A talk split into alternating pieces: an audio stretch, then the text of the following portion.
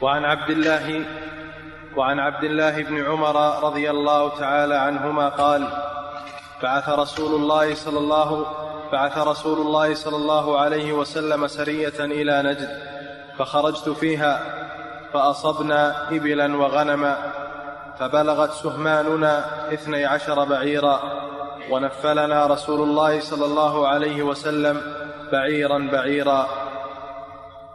نعم هذا حديث ابن عمر. أن الرسول صلى الله عليه وسلم بعث سرية والسرية هي القطعة من الجيش. السرية هي القطعة من الجيش. تارة تكون سرية مستقلة تخرج من البلد.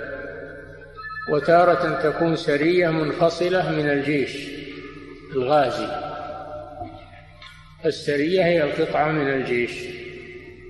وكان فيها ابن عمر. من قبل نجد نجد هو المكان المرتفع. نجد هو المكان المرتفع. ومنه نجد العراق ونجد اليمامة ونجد المكان المرتفع. يقال له النجد. يقال له النجد يعني المرتفع. والمنخفض يقال له اتهام. يقال له اتهام المنخفضات ونجد المدينة هو العراق. نجد المدينة هو العراق والقصيم وما وما قبل ذلك. وليس نجد اليمامة. ليس هو نجد اليمامة إنما هو العراق وما يليه.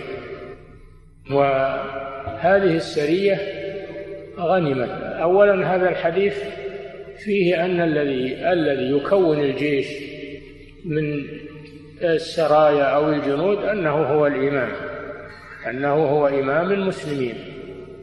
ولا تنطلق السرية بدون إذن الإمام. ثانيا فيه أن الغنيمة تكون للمجاهدين. الغنيمة تكون للمجاهدين لمن حضر الوقعة من المجاهدين في سبيل الله. وأن هذه الغنيمة صارت كثيرة فبلغ السهم الواحد من المجاهدين اثني عشر بعيرا. هذا السهم من الغنيمة. ونفله الرسول زيادة على سهمه أعطاهم بعيرا بعيرا. والنفل هو الزيادة. النفل هو الزيادة. فهذا يدل على أن السرية تنفرد بما غنمته. إذا كانت منبعثة من البلد فهي تنفرد بما غنمته ويحصر القسمة فيهم.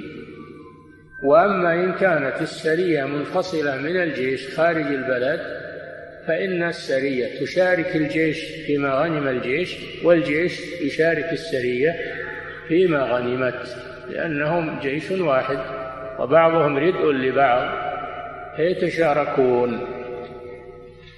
فهذه السرية والله أعلم أن الرسول بعثها من المدينة فلذلك خصها بالغنيمة وقسمها بينهم. نعم.